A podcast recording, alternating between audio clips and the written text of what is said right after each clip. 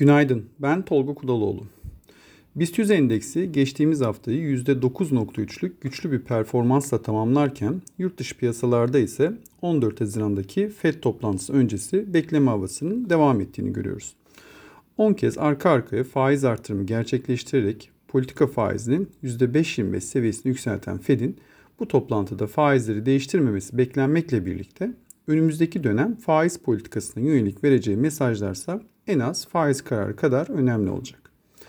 ABD'de enflasyon düşüş trendinde olmakla birlikte Fed'in enflasyon hedefinden hala çok uzakta ve istihdam piyasası da oldukça güçlü bir görünüm arz ettiğinden yarın açıklanacak olan toplantı öncesi son tüfe verisi de global piyasalarda volatilite yaratması muhtemel kritik verilerden biri.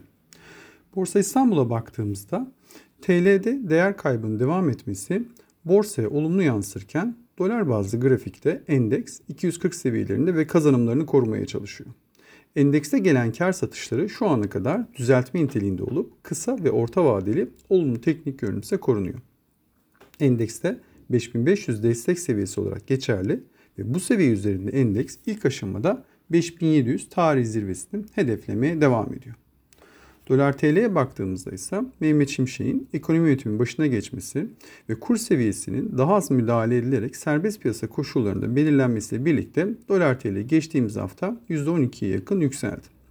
TL'deki değer kaybı ihracatçı şirketler için pozitif ve Mehmet Şimşek öncesi dönemde TL'nin değer kaybının enflasyonun altında kalması nedeniyle TL'nin reel olarak değer kazandığı göz önüne alındığında kurdaki bu hareketi döviz piyasasında normalleşme olarak değerlendirebiliriz.